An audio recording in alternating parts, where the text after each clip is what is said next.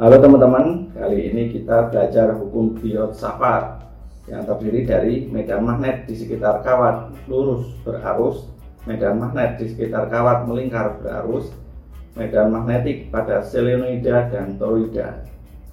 Pak itu, langsung saja kita mulai pembelajarannya. Kita tinjau kuat medan magnet di sekitar kawat lurus berarus listrik berdasarkan hukum Biot-Savart dengan setiap elemen arus di sepanjang kawat mempunyai kontribusi terhadap kuat medan magnet pada titik tersebut yaitu B sama dengan mu 0 kali I per 2pi kali A.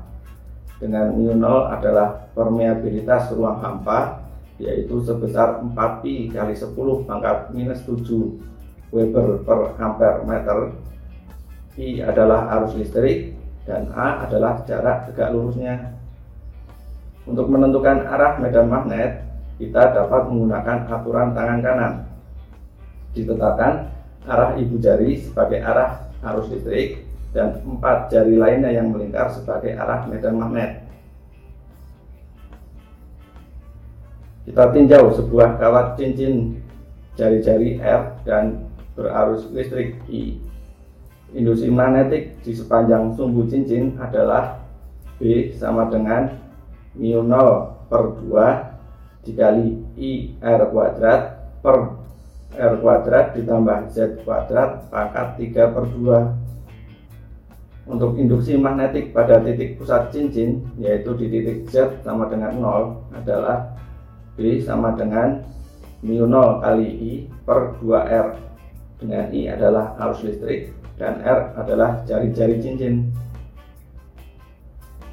Suatu lilitan yang terdiri atas N kali lilitan kita bentangkan hingga sepanjang L sehingga membentuk spiral atau pegas yang dikenal dengan selenoida.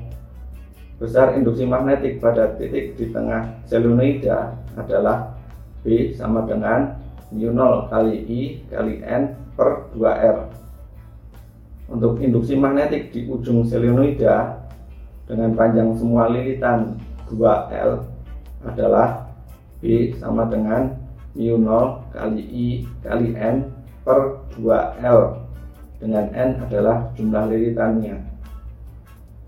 Jika selenoida kita lengkungkan akan terbentuk lingkaran lilitan yang dikenal sebagai toroida.